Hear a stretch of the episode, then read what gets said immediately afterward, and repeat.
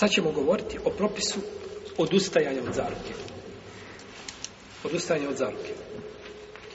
Kazali smo, braćo, da sama zaruka po sebi nije šta? Šart za brak. Bračni ugovor. Niti je šart, bravo. Niti je šart, niti je bračni ugovor.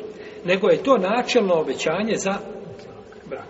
To je znači hitba u Tako a braćo, znajte, da kod islamskih učenjaka, kod džumhura, obećanja ovakve prirode nisu obaveza da se ispunjavaju. Obećaš čovjek, kup će na tebu auto, išala dopala mi se ova tvoja fića, kup ću je. U redu? Lijepo auto, ja ću je kupiti. I nakon toga dostaneš. Nisi griješan. Nisi mu obećao, nisi, nisi kupio. Nisi kupio. Znači to obećanje nisi obavezan da ga šta? Ali je lijepo da ga ispuniš. Čovjek došao i zaručio ženu. Šta znači zaručio ženu? Dao načelne pristak načelno nekakvo obećanje ili dobru volju da će on nju ženiti. I ona pristala. Jel u redu? I oni pristali. I nakon toga, kaže, staratelj primijeti nešto da je preče da on odustane od ote šta? Od ote bračne veze. Na primjer, djevojka je bila završavala studije i on kaže neće završiti studije kod mene sigurno, znači to sam uradio, radi kazao tako i tako, neće završiti studije kod mene. I to dođe do staratelja, on odustane. Radi koristi čega? Koristi djevojke. Nema nikakve smetnje u tome.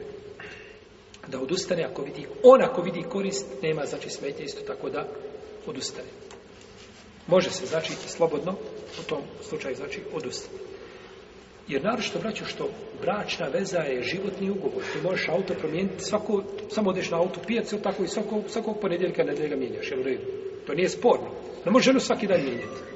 Sve iz bračne veze u bračnu vezu ulaziti.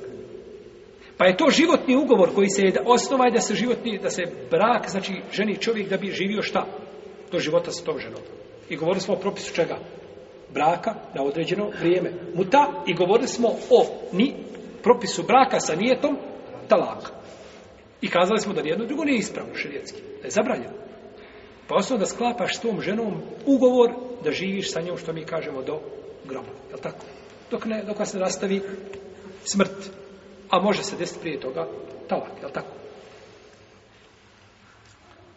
Pa dobro treba paziti kod tog ugovora.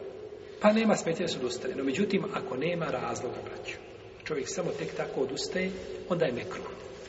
Zato što, šta? Poriče sam svoje riječi. A čovjek kada nešto musliman obeća, treba gledati to ispod.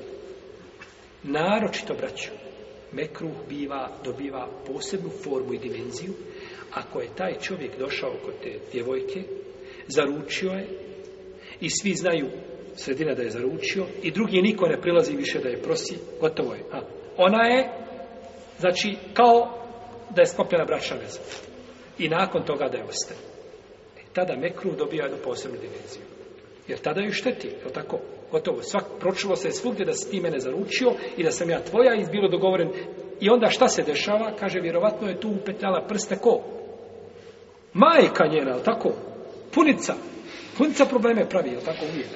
Punica je upetljala prste i onda niko više ne dolazi, neće više da želi te djevojke, niti se obraća, kažu tu vjerojatno ima nekakvi problema, dok je ovaj odustao. E, tada je, znači, ovaj mekru mjeste Znači, to se ne bi smjelo dešavati.